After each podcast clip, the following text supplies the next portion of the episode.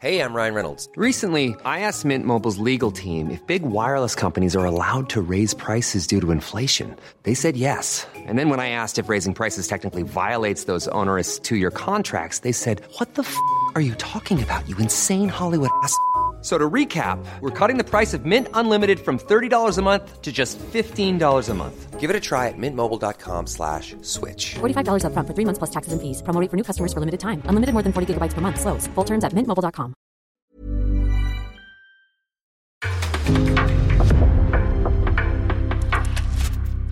En podcast från Aftonbladet. Du satt ju i ett amerikanskt fängelse i 28 år. Det stämmer. I två och ett halvt år så var de helt bestämt på dödsstraff. Och jag satt faktiskt i dödscellerna i två och ett halvt år. Death row. Death row. Och nu sitter du här. Nu sitter jag här med Mauri som jag har sett på TV och på YouTube och... Va? Ja. Men vad kul. Det känns ju härligt modernt att sitta och kolla YouTube. Jag älskar teknologi. Jaha. Och när, när jag satt så fick jag fick besök av journalister och, och folk och de frågade Vad är det du vill göra? Liksom, vad är det som är här ute i världen som fascinerar dig? I want to play video games. Liksom. Jag var helt fascinerad med videospel. Så du köpte typ ett modernt Playstation, en jag Xbox köpte, när du kom jag ut? köpte, köpte en Xbox och hela alltihopa. Mm. Hur var det att spela spel med 30 års utveckling som du aldrig hunnit se? Ja, det var fascinerande. Älskade Mario. Ah. Ibland har man ju drömt om att du vet så här, ligga i koma i 30 år och sen bara vakna upp och bara, vad har hänt? Ja, och mat. Alltså det är så mycket olika mat. Jaha. Ja, jag har ännu inte ätit kebab. Det är det enda jag vägrar. Varför det? Och det är bara, "Åh, vad är det där för någonting?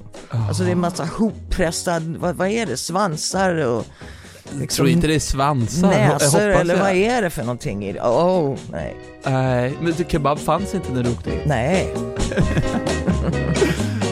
Men du, du Annika är ju helt enkelt den svensk som har suttit längst i ett utländskt fängelse. Eh, och du är ju den enda svensk egentligen då som har suttit på death row. Mi, eh, va, va, va, varför satt du där? För att eh, jag var eh, en heroinist och i jakt på mina droger så blev jag involverad med en man som eh, sedan eh, tog livet av två människor. Men det är inte att säga att han gjorde allt och jag är oskyldig. Nej, det var mina val och det var mitt beroende som satte allting i rullning. Och eh, i USA så är det så att det gör ingenting vem som håller i vapnet. När någon dör så är alla lika skyldiga. Någon måste betala liksom. Ja, An eye for an eye, det, är- det är den amerikanska way. Så. ja. Det, det första steget som ledde dig till att bli dömd för medhjälp till mord, och när började det? Det var ju egentligen när vi flyttade till USA.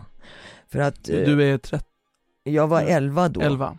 För då träffade jag den här killen som jag så småningom rymde med. Mm. Han var ju 24 år gammal, Och du var 13. Ja, inte en 100% oproblematisk åldersskillnad. Nej. Eh, Så att det var ju någonting fel på den där killen naturligtvis. Man tar, plockar inte upp en 13-åring liksom. Det gör man inte, men Men och på grund av att liksom din mamma lite hade försvunnit och du inte hade jättebra kontakt med din nya styvpappa så, så var det skönt att försvinna iväg där liksom. ja, alltså det, jag passade ju inte in hemma, inte i, i skolan och Nej. liksom jag tyckte inte om min styvfar. Mm. Och mamma hon tog ju hans sida i allting kände jag, så att det var då vi bestämde oss att sticka till Kalifornien. Och, där är du liksom som 14-åring rymd, börjar kanske intressera dig lite för droger. Ja, vi började ju med droger direkt när jag kom dit, men det var ju LSD och hash och sådana där vanliga grejer. Men den här killen som jag hade rymt med, han fick en bad trip. Mm. Han blev heroinist helt Ja. enkelt. Ja. Ja, och sen ville jag prova på, jag med.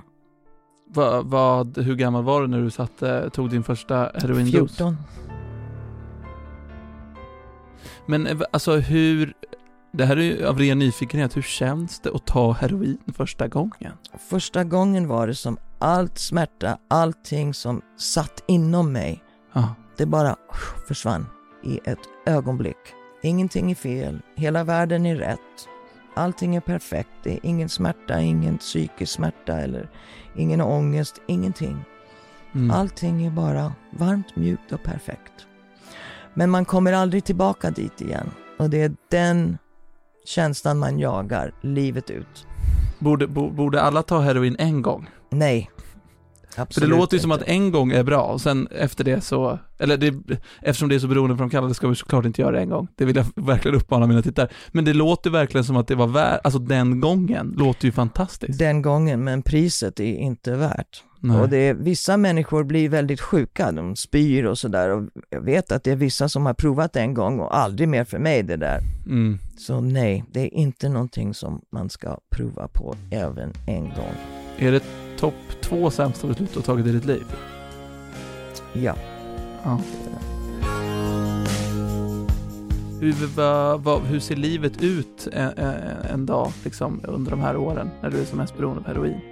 Ja, men man kliver ju upp på morgonen och förhoppningsvis så har man sin get-up, alltså den första dosen för dagen, annars är man ju värdelös. Mm. Eh, och sen är det bara att köra igång till jaga nästa dos, vad man nu måste göra. Om det är ut på gatan och sälja kroppen eller whatever. För mig var det eh, ja, prostitution. Så att jag eh, började på gatan med äckliga, äckliga gubbar och jobbade mig upp till eh, företagskunder och privata sådana där saker. Hur går det att beskriva hur det känns att sälja sin kropp? Alltså den, hur, hur känns det i liksom själen? Alltså för mig, jag försökte att vara så bedövad som jag kunde vara. Jag var inte där. Nej. Liksom, jag kände ingenting, bara disgust, äckel. Mm. Men jag kommer ihåg efter den första gången så var det väldigt tydligt att jag hade korsat någonting som jag kunde aldrig backa. Så det var någonting som bröt Mm. där och då som jag tror jag aldrig fick tillbaka riktigt. Det, det bryter en i själen. Tänk ändå vad, vad mycket smärta du har varit med om. Jämfört med de flesta andra av oss. Kanske så, ja. Men jag fick ju en son i mitten, uppe i allt det här, Mm. i 1970. Mm. Så då tände jag av i nästan ett år, det var väl sex månader. Så Mm. jag ville inte ha ett beroende barn. Du har en ny kille, eh, du tar droger igen, du är 26 år gammal. Ja, Eh, berätta om det här som skulle bli ett dubbelmord ja vi sålde ju eh, stulna varor. Vi köpte stulna varor från folk som ja, gjorde inbrott och sådär. Sen sålde vi dem vidare. Och jag eh, ringde en man som jag kände som ägde flera restauranger. Vi hade ett massa kött. Bokade en träff med honom. Tog den här nya killen med mig. Men det blev ett argument över, över alltihop. Varorna, pengar, värdet. Men innan vi fortsätter ska jag nämna att det här avsnittet är i betalt samarbete med Plick. Second hand direkt i mobilen med miljontals unika plagg. Med Plick så kan du helt gratis sälja plaggen du inte längre behöver. Skorna du har växt ur, jackan du är trött på, skjortan du inte ens använder. Du kan också köpa det du istället saknar där. Du kan köpa ett par fräcka, snabba solglajjor, några läckra sneakers, en skjorta och en skjorta till på skjortan som jag har någon märklig fäbless för. Som köpare är du också alltid försäkrad om något skulle gå fel. Så gör som nästan en miljon svenskar, inklusive jag själv, redan har gjort. Gå in på App Store och ladda ner appen. Eller gå in på www.blick.se och köp någonting nygammalt. Eller sälj någonting du vill bli av med. Tack så mycket Blick för att ni gör second hand enkelt. Nu fortsätter avsnittet. Din kille och han på restaurangen började bråka. precis. Mm. Började bråka och det slutade med att min kille sköt ihjäl honom. Han drar fram ett vapen. Han drog fram ett vapen och sköt honom. Jag stod i, eh, i skuffen, alltså bakom och skulle ta ut varorna. Och hör plötsligt. Ja, och Bob mer eller mindre kom, kom till mig, smällde igen bakluckan och släpade in mig i bilen och vi körde därifrån. Och han frågade mig om jag tyckte att vi skulle åka till Kanada eller Mexiko för vi måste ju dra. Men då hade jag lämnat min son. Jag måste få bara krama honom en gång till, säga adjö. För jag kunde ju inte ta honom med mig. Nej. Och grejen är, jag hade lämnat mitt namn och telefonnummer på Joes svarmaskin när vi bokade den här träffen. Så att de skulle veta direkt. Mitt liv var slut, ansåg Mm. jag. Så det var jag som sa, nej vi kör till norra Kalifornien. Och på vägen dit så tog jag allting jag kunde få tag i. Alkohol, piller, kokain, heroin, allt. Men när vi kom fram så var jag helt väck i huvudet. Vi hittade inte stället. Men vi körde runt flera timmar, Mm. långt ute på landet. Fick punktering. Så småningom kom en polis och det slutade med att Bob sköt ihjäl honom också.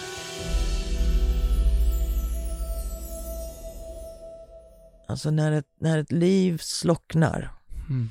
särskilt våldsamt och oväntat, det uppstår ett hål. Om du tänker dig universum som ett tyg. Och så plötsligt rivs en bit ut ur tyget.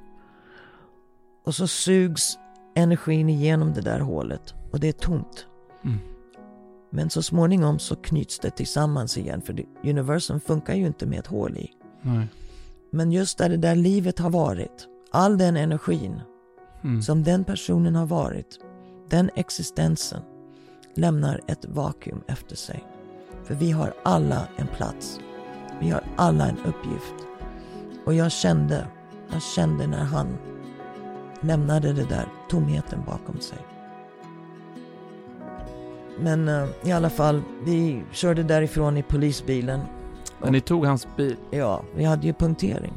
just det. Men Bob kraschade så småningom och vi var omringad på tre sidor och det blev ett shootout. Alltså Bob tog upp pistolen, klev rakt ut ur bilen och ställde sig rakt upp och ner och började skjuta. Och såklart de sköt tillbaka.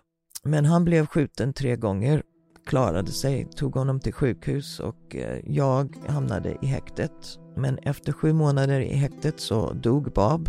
Han hade begått självmord, sa de. Och då var det bara jag. Så det var där jag hamnade i dödscellerna. Och det var ju för att de tog för givet att jag skulle få dödsstraffet. Det var ju automatiskt liksom. Det var ju gaskammaren på den tiden. Alltså herregud. Och gas, cyanidgas, det är ju inte så att man bara somnar in. Nej. Utan det fräter ut lungorna. Det är därför de har den där luvan över ansiktet. Det, och det sa de till dig? Ja, ja, de var väldigt detaljerad. Så du satt i flera år, Två och ett halvt, ja. två och ett halvt år, Mm. på Death Row utan en dom?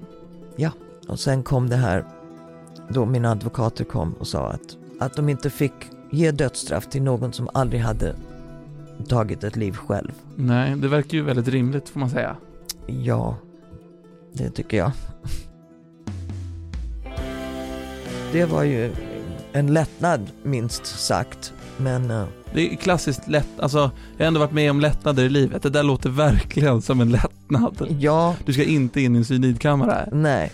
Men alltså det, det är så stort att det nästan inte är på riktigt. Förstår du? Jag Ja. menar att världen har bestämt att de ska ta livet av dig Mm. och säga att det är okej. Ja.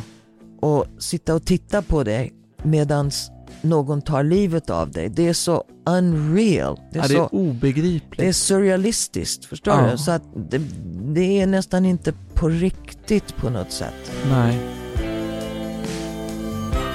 Och då flyttar du in i ett mer vanligt eh, kvinnofängelse helt enkelt. Precis. Hur är livet i ett amerikanskt fängelse 1900, på, på 1980-talet? Det är, det är ett microcosm skulle jag säga. Det är en, en egen värld och särskilt på den tiden fångarna drev hela anstalten. Och man gick aldrig till någon vakt eller till någon officiell om man behövde någonting utan man, fick, man tog reda på vem jobbar där, Mm. vad är hennes grej? Mm. Alltså kanske hon tränade, kanske hon ville ha råfrukt. Alltså mat är ju guld. Mm. Och jag råkade hamna i köket. Det var mitt första jobb eh, som, apropå det, som lärde mig hur man olagligt fixar böcker så att det ser ut som allting går bra till men man har andra räkningar. Han lärde mig hur jag skulle dölja saker. Ja. Men i alla fall, det gav mig tillgång till eh, köks, ja, grejer. Mm. Och han blev rätt så förtjust i mig. Så jag lyckades komma in och ut ur köket in, utan att bli visiterad.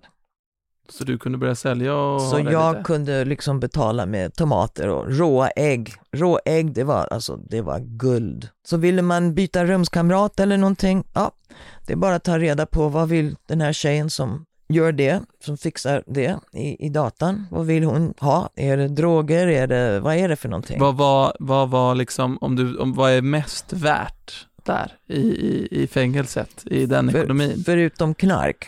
Knark etta eller? Ja, knark och så småningom Någon när särskild drog eller? heroin på den tiden var den största. Då, då var man rik om man hade lite av det. Liksom. Det kunde man byta mot det mesta. Oh ja. Jo, och så ja. tvåa då? Vad kom sen? Det skulle vara eh, rå frukt. Alltså, Rå frukt, alltså Ja. heroin och sen rå frukt. Ja, frukter. Jag har ett äpple här. Alltså vi fick Jag blir ibland... nästan sugen på att ta en tugga av äpplet här. Ja, du ska uppskatta Om det är liksom i klass med heroin i Ja. ett fängelse, då är Ja. det ju bra grejer. Om, du bara går, om vi går igenom en genomsnittlig dag från de här 28 åren på ett fängelse i USA. Va, alltså, vilken tid vaknar du? Om vi Klockan börjar där. sex. Eh, 60 dörrar på en avdelning som öppnas Smack. med en knapptryck. Så det är pop, pop, pop, pop, pop, pop. Det låter som en maskingevär. Och sen om man vill duscha då är det en himla rusning till duschet för att man har bara en timme ungefär på sig. Sover du med någon annan eller har du Ja. en egen cell? Nej, nej, nej, det är dubbel. Man dubbel sover cell. med någon annan. Ja, absolut. Ibland med någon trevlig, ibland med någon mindre trevlig, jag. Precis. Ja. Precis. Hur många trängs i den här, hur många dusch, liksom, duschar finns det hur många vill ha dem? Sex duschar, 150 kvinnor. Åh helvete. Så då får man ställa sig i någon sorts kö? En dödlig kö, den tränger man inte sig in före någon minsann. För då, Då händer det saker. vad hade hänt om jag var satt i fängelset, du står i kön, jag springer in framför dig. Då får vi slåss. Då slåss Du, du, du, ja. du blir utknuffad helt enkelt. Och om du inte accepterar det, ja då får du lära dig acceptera det. Var du en tuff, du var en hårding eller? Nej, men man måste dra en linje. Alltså man kan inte vika sig. Det Det tar sant. tid innan man vinner sin respekt och respekt är nog det största ordet Mm. som finns. Men vad, vad hade hänt om, om jag, Mauri, 27, Mm. en liksom en liten sojapojke från Sverige, hade mött dig i det här fängelset och hade gjort dig arg? Ja, det beror på vad du hade gjort. Kanske jag hade förklarat för dig vad reglerna var, men annars så kanske jag skulle ha tagit dig i kragen och skakat om dig lite grann. Alltså, min första övning var, vi, vi fick en uh, tvättmaskin till slut och då hade alla tider att passa, alltså man hade sin tvätttid. Så jag kom upp och det var min tid och då var det någon som hade just slängt in sina kläder på min tid. Ja. Så jag stoppade maskinen, jag tog ut kläderna, la dem i en blöt hög på golvet och väntade på tjejen att komma. Och förklarade för henne att "Hörru, det där var faktiskt min tid. ja. Så nu har hon ett val, hon kan plocka upp sina kläder och gå därifrån. Eller så kan hon ställa sig upp och vi kan, vi kan box. Slå, slåss. Ja, Ja. men hon valde att plocka upp sina kläder och gå därifrån. Jag är stor och det hjälpte mycket kan jag säga. Att Hade- undvika situationer. Hade jag haft en chans på en ung Annika Östberg i ett fängelse? Mm, Nej, det tror jag nog inte. Men alltså Men vadå, jag, jag är ju två meter, jag väger 105 kilo Annika. jag, har, jag har lyckats dels prata, Mm. lugna ner situationen eller så ser jag så galen ut att folk bara säger that bitch is nuts, så lämna henne. Men sen är man livstidsstraffad också så är det ju, det är någon som folk vill, vill utmana för att man klättrar i hierarkin. Alltså att, att utmana en, en lifer Som Eh, du var. Ja, hon kan ju lika väl ta död på dig som tittar på dig, för vad ska de göra? Ge dig Hon har inte något att ett, liv, ett livstid till? Alltså, So what? ett quiz, precis. Och sen går du till jobbet Var till jobbet i köket, i köket. sätter mig vid min, mitt skrivbord, min desk och sköter mitt jobb. Håller koll på ja, mat för över 2000 tjejer. Och det är leveranser, det är tillagning. Det är, Mm. Du är lite chef i köket liksom. Mm, precis. Är det ett välbetalt jobb? Det är välbetalt jämförelse, det är ungefär 20% av eh, jobben är betalt. Mm. Och betalt är 20 dollar i månaden. Så jag tjänade mellan 36 och 48, så det är jättebra betalt. Jävlar. Mm. Och efter jobbet, vad gör du då? Då är det räkning klockan, jag tror det var halv fem ungefär. Alltså Eh, att, där vakterna ser till att alla är kvar i fängelset? Ja. Först så ville de att vi skulle sitta på vår eh, säng, men de hade räknat en tjej tre dagar död. Så då bestämde de att vi skulle alla få stå, så vi fick stå i cellen när de räknade. Och sen släpps de och sen är det middag. Det är tre matsaler, så det är liksom i, i, i skift. Så att den första som kommer in, de kanske får lite varm mat, men till slutet så är det ju rätt så kallt och, och man har eh, ja, kanske 10-15 minuter på sig att äta. Kan det finnas dagar där du saknar det? Man har ju inte en massa räkningar och sånt att stressa över som man har här. Inte eller- så mycket att fundera över? Nej, det jag saknar, det är vänskapen. Vi kvinnor, vi bygger familjer. Mm. Så det fanns, eh, alltså jag blev mamma till en tjej som var äldre än mig. Och hon, blev, hon var min son för att det finns pojkar, inom citat. Mm. Mycket relationer mellan kvinnorna. Mm. Och, och det blir, liksom, som sagt, det blir en familj. Om man ser en människa 24 timmar om dygnet i princip, i hur många år som helst, då vet man vem den personen är, vad de står och går för. Och den vänskapen tror jag inte är möjlig här ute, för att den blir testad på så många olika sätt. Hur, eh, vilka, de andra som du satt med i fängelset, vad hade de begått för brott? Ja, de som jag umgicks med, för de mesta var livstidsstraffad. För liksom... Eh, ja, det är många där som har eh, haft ihjäl sin partner, som har fått nog av att bli slagen. En Mm. utav mina vänner, eh, hon hade, hon var tillsammans med en man, gift. Han kom åt emot henne, hon tog upp en kniv som försvar och högg ihjäl honom. Mm. Det var bara ett olyckligt högg, alltså hjärtat första gången. Hon fick livstid utan möjlighet till nåd. Hon sitter kvar där än idag? Ja, men det är väldigt sällan som en kvinna begår ett mord av, liksom, för att råna eller någonting sånt. De mesta kvinnor, i min erfarenhet på den tiden i alla fall, satt för att ha haft ihjäl en abusive partner. Okej. Så är det. Hur våldsamt var det i fängelset?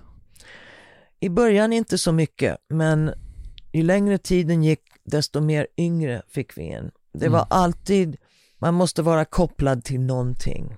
I början var det vart du kom ifrån. Och de kunde krocka med varandra ibland, men det var aldrig liksom seriöst. Alltså det var inget till döden. Eh, Men sen började de här yngre gängen komma in. Och baksidan av jämställdheten är att kvinnorna nu ville vara lika duktiga som männen. Och då var det döden som gällde. Så då började de med att göra samma typ av vapen som man ser i en manlig fängelse. Så då Mm. var det flera som dog. Eh, Men till att börja med så var det mer, ja, som man ser en classic fight med tjejer, dra i håret och klösas och sparkas och bitas. Alltså den typen av slagsmål. Hur, Då var hur det- många dog under din tid? Ja, flera dog av självmord Mm. och eh, vi hade en som dog för att hon eh, hade hamnat på gården och hade begått ett barnbrott. Och henne hittade de nedanför en, i en trappgång. Mm. Men, eh, men ja, du, du får beskedet i alla fall om att du ska flytta till Ja, Sverige. jag hade skickat eh, begäran många, många gånger. Mm. Den här gången kom det en fängelseadministratör springande efter mig och ropade mitt namn, viftande på ett brev. Annika, Annika. Mm, nej, Deezy, Deezy. Va, var det så du kallades? Ja, det var Okej. mitt gifta namn. Det kommer att hända. Men de visste inte när. Och jag fick inte säga ett ord. Så jag bara efter 30 dagar försvann jag. Puff, var borta. Jag fick aldrig säga adjö till mina vänner, till min, min familj. Vi var alla livstidsstraffade. Vi hade ingen tid i framtiden där vi skulle där det skulle vara ett slut. Liksom. Det hade vi alla gemensamt och det Det är ett särskilt sätt att leva och tänka och känna. Och nu var jag där och plötsligt hade jag en framtid. Mm. När jag försvann, så fort som jag tog två veckor från Los Angeles till New York till Örebro. Och det första jag gjorde när jag kom till Örebro och fick möjligheter var att skriva.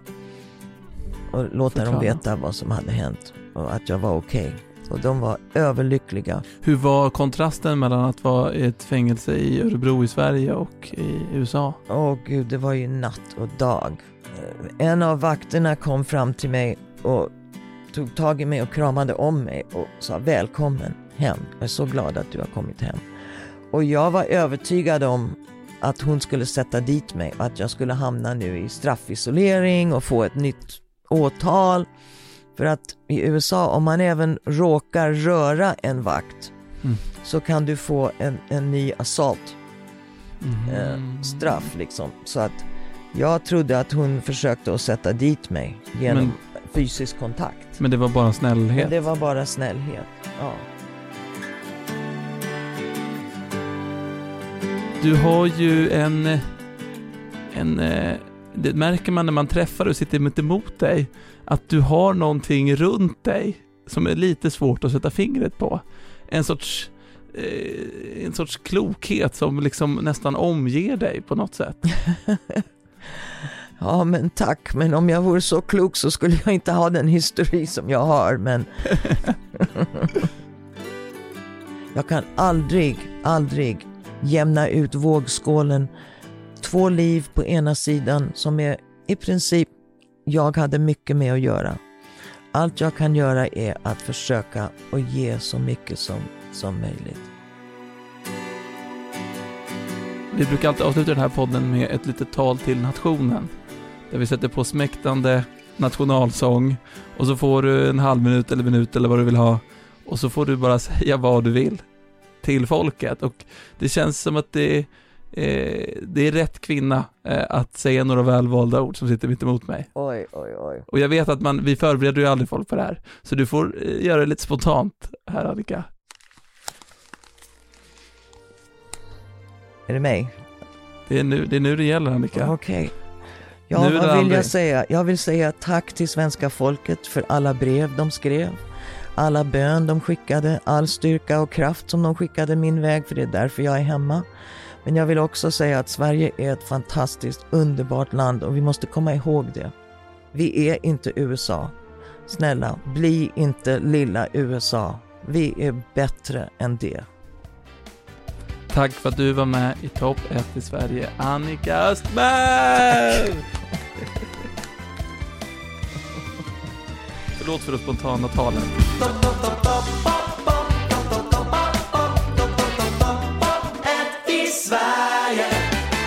Du har lyssnat på en podcast från Aftonbladet. Ansvarig utgivare är Lena K Samuelsson.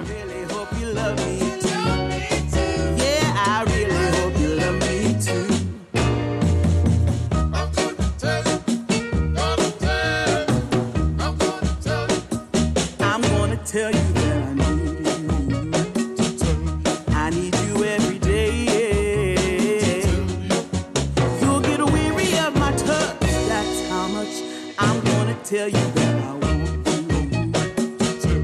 I wanna